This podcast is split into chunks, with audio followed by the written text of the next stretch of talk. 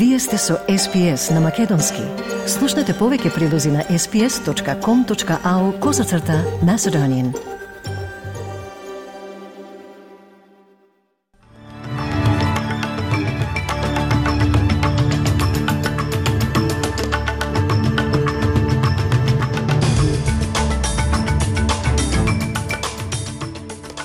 Во денешниот билтен, генералниот секретар на Обединетите нации длабоко вознемирен од веста за целосна блокада на појасот Газа како одговор на смртоносните напади. Новото климатско истражување тврди дека милиарди луѓе би можеле да страдаат да преживеат во смртоносни високи температури во овој век. И според информациите од Македонското министерство за надворешни работи, повеќе од 100 македонски државјани побарале да бидат евакуирани. Слушајте не.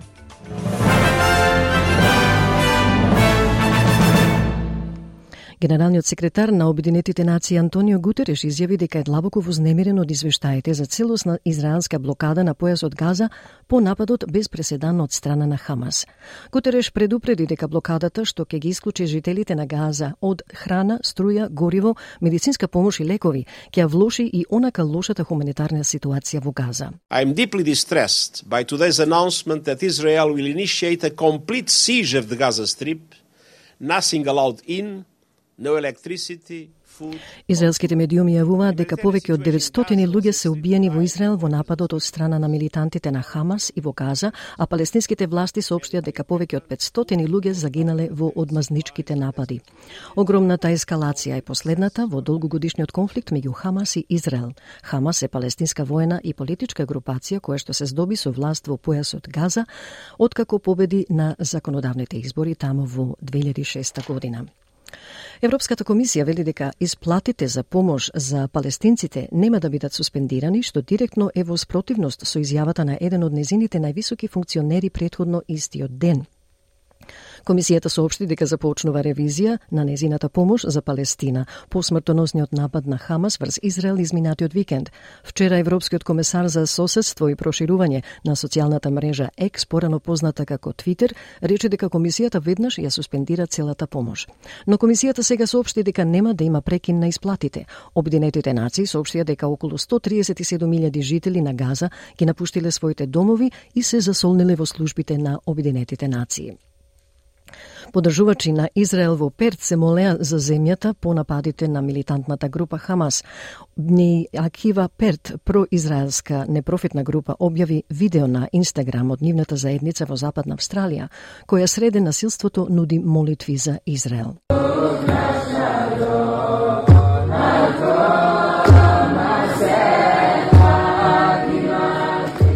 Овие молитви се во контраст со стотиците пропалестински подржувачи кои вчера маршираа по улиците на Сиднеј, повикувајќи ги австралиските влади да се осврнат на историскиот третман на Израел кон палестинците. Еден демонстрант изјави за SPS News дека премиерот Антони Албанези ги осудил палестинските напади против Израел, но пропуштил да ги осуди секојдневните напади врз палестинците на окупираните територии. What we are here is just to speak loudly. We are in full support for the Palestinian, for their legitimate right to resist the occupation, and I personally condemn, and a lot of our community condemn. Македонската амбасада во Тел Авив работи на евакуација на македонските државјани од Израел во Македонија.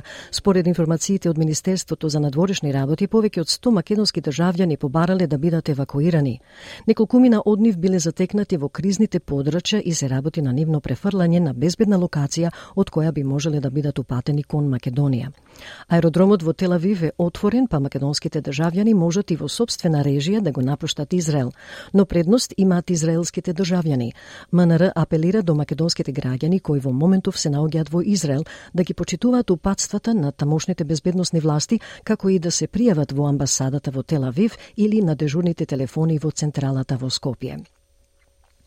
Ново истражување тврди дека милиарди луѓе би можеле да страдаат да преживеат во периоди на смртоносна влажна топлина во овој век, бидејќи температурите се зголемуваат, особено во некои од најголемите градови во светот, од Делхи до Шанхај. Студијата разгледа различни сценарија за затоплување од климатските промени, предизвикани од човекот и моделираше на колку денови на потенцијално смртоносна влажна топлина ќе бидат изложени глобалните популации во зависност од тоа колку ќе стане жешка планетата. Светот веќе се загреа за околу 1,2 степени над прединдустриските процеси поради производството и согорувањето на фосилните горива. Најновите извештаи на Обединетите нации за емисиите велат дека светот е на пат за затоплување од 2,8 степени до 2100 година според сегашните политики. Климатологот Даниел Вечелио вери дека е важно да се обидуваме да ги одржуваме температурите што е можно понески. we found that at about uh, 2 degrees Celsius warming, we see a large increase to about um, three quarters of a billion people exposed to one week of uncompensable environmental temperatures every summer. Кампањите кои повикуваат на создавање домороден глас во парламентот се обидуваат да направат нешто повеќе во последните денови пред референдумот оваа сабота. Последните анкети покажаа дека кампањата не се уште има поголема предност. Домородната активистка Мели Инграм вели дека се бори за правата на домородните луѓе во последните 65 години. Таа на митингот на кампањата Да во населбата Редферн во Сиднеј рече дека референдумот е шанса за сите австралици кои сакат да создадат подобра Австралија. We have been fighting for so long, and now it's our chance to go a little bit further.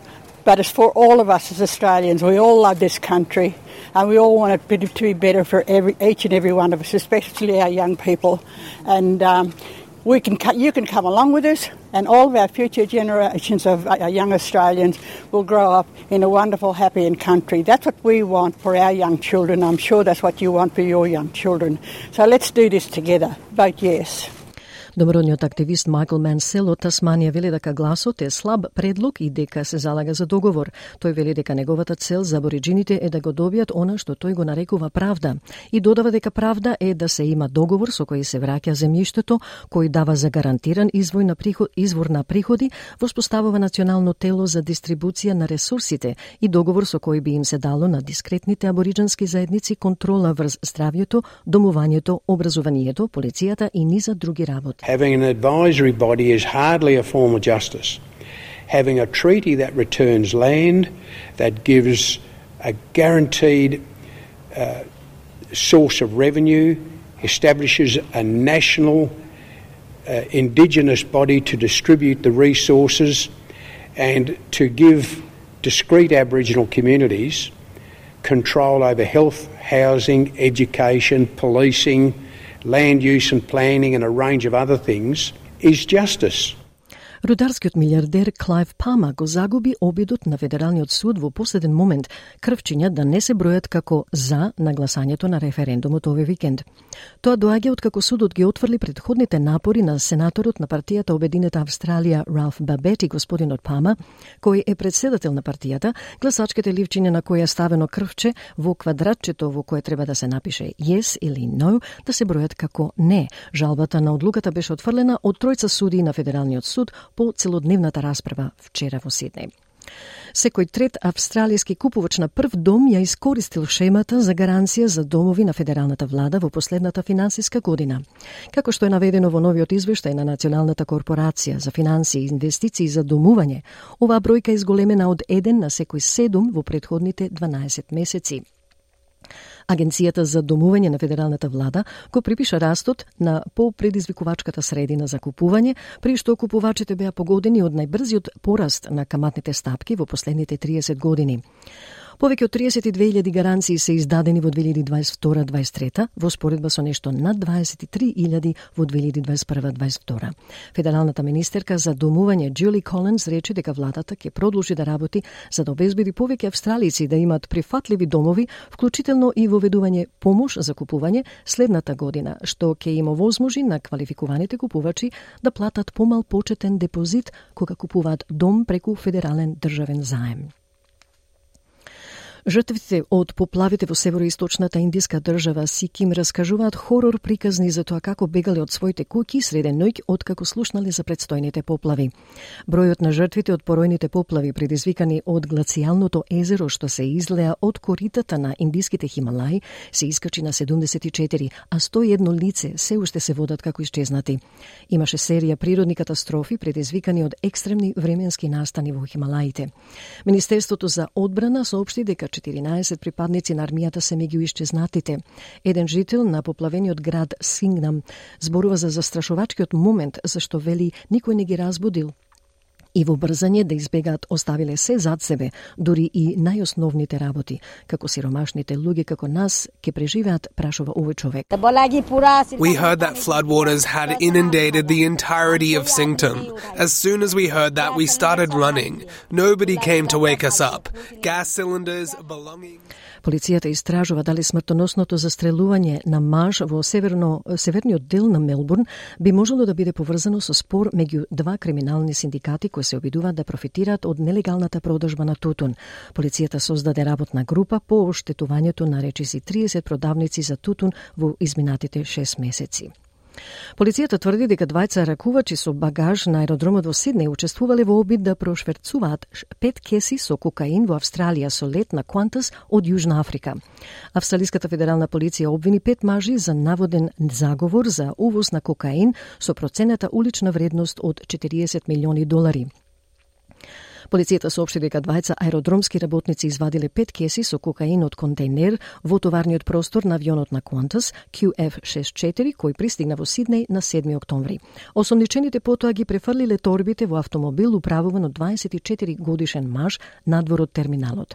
Тројцата мажи беа уапсени набргу по предавањето, додека други двајца беа уапсени во саботата навечер. Детективката Кристи Креси вели дека AFP го смета наводниот заговор како дело на организирана криминална група. The organisation required to arrange this type of import importation could only have been undertaken by an organised crime group with significant reach in Australia and overseas. People who use their job at Australia's airport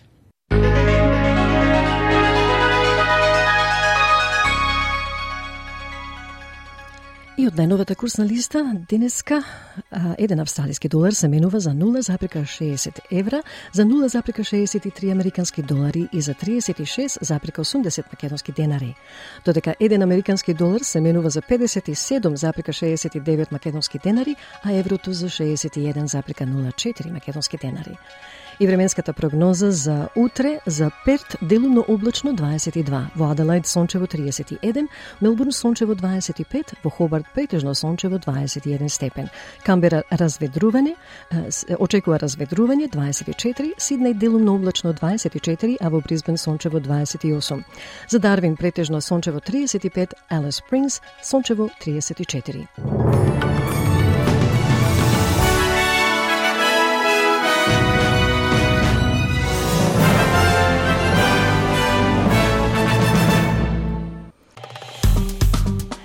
Стиснете, ми се допаѓа, споделете, коментирајте. Следете ја SPS на Македонски на Facebook.